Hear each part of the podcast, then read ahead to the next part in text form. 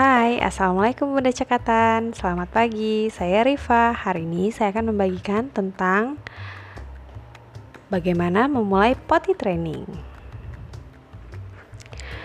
Ada empat hal yang perlu kita perhatikan saat akan memulai potty training. Yang pertama adalah gunakan potinya. Beli poti yang sesuai dengan ukuran anak.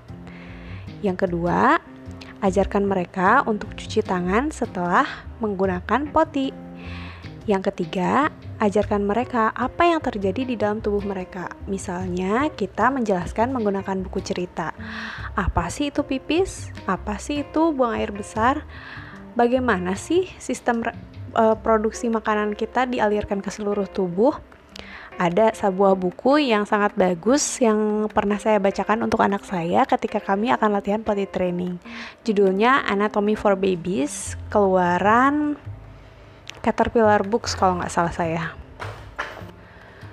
Buku ini menceritakan bagaimana tubuh kita diciptakan, termasuk ada gambar yang sangat bagus untuk menjelaskan bagaimana proses makanan yang masuk ke dalam tubuh kita dikeluarkan dan di diolah sedemikian rupa oleh tubuh kita dan dikeluarkan uh, dalam bentuk pipis atau pup.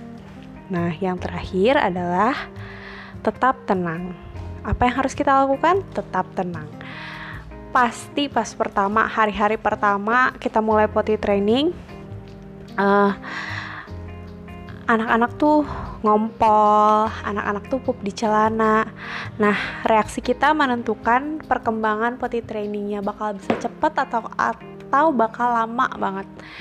Saya sendiri termasuk yang lama sekali saat menjalankan ini karena saya orangnya agak panikan. Jadi untuk tetap tenang saya merasakan sangat sulit sekali untuk bisa tetap tenang. Tapi setelah membaca buku dari Sarah Ockwell Smith, saya jadi merasa, iya, saya jadi merasa uh, lebih tenang saat melakukan proses potty training ini bersama anak-anak saya.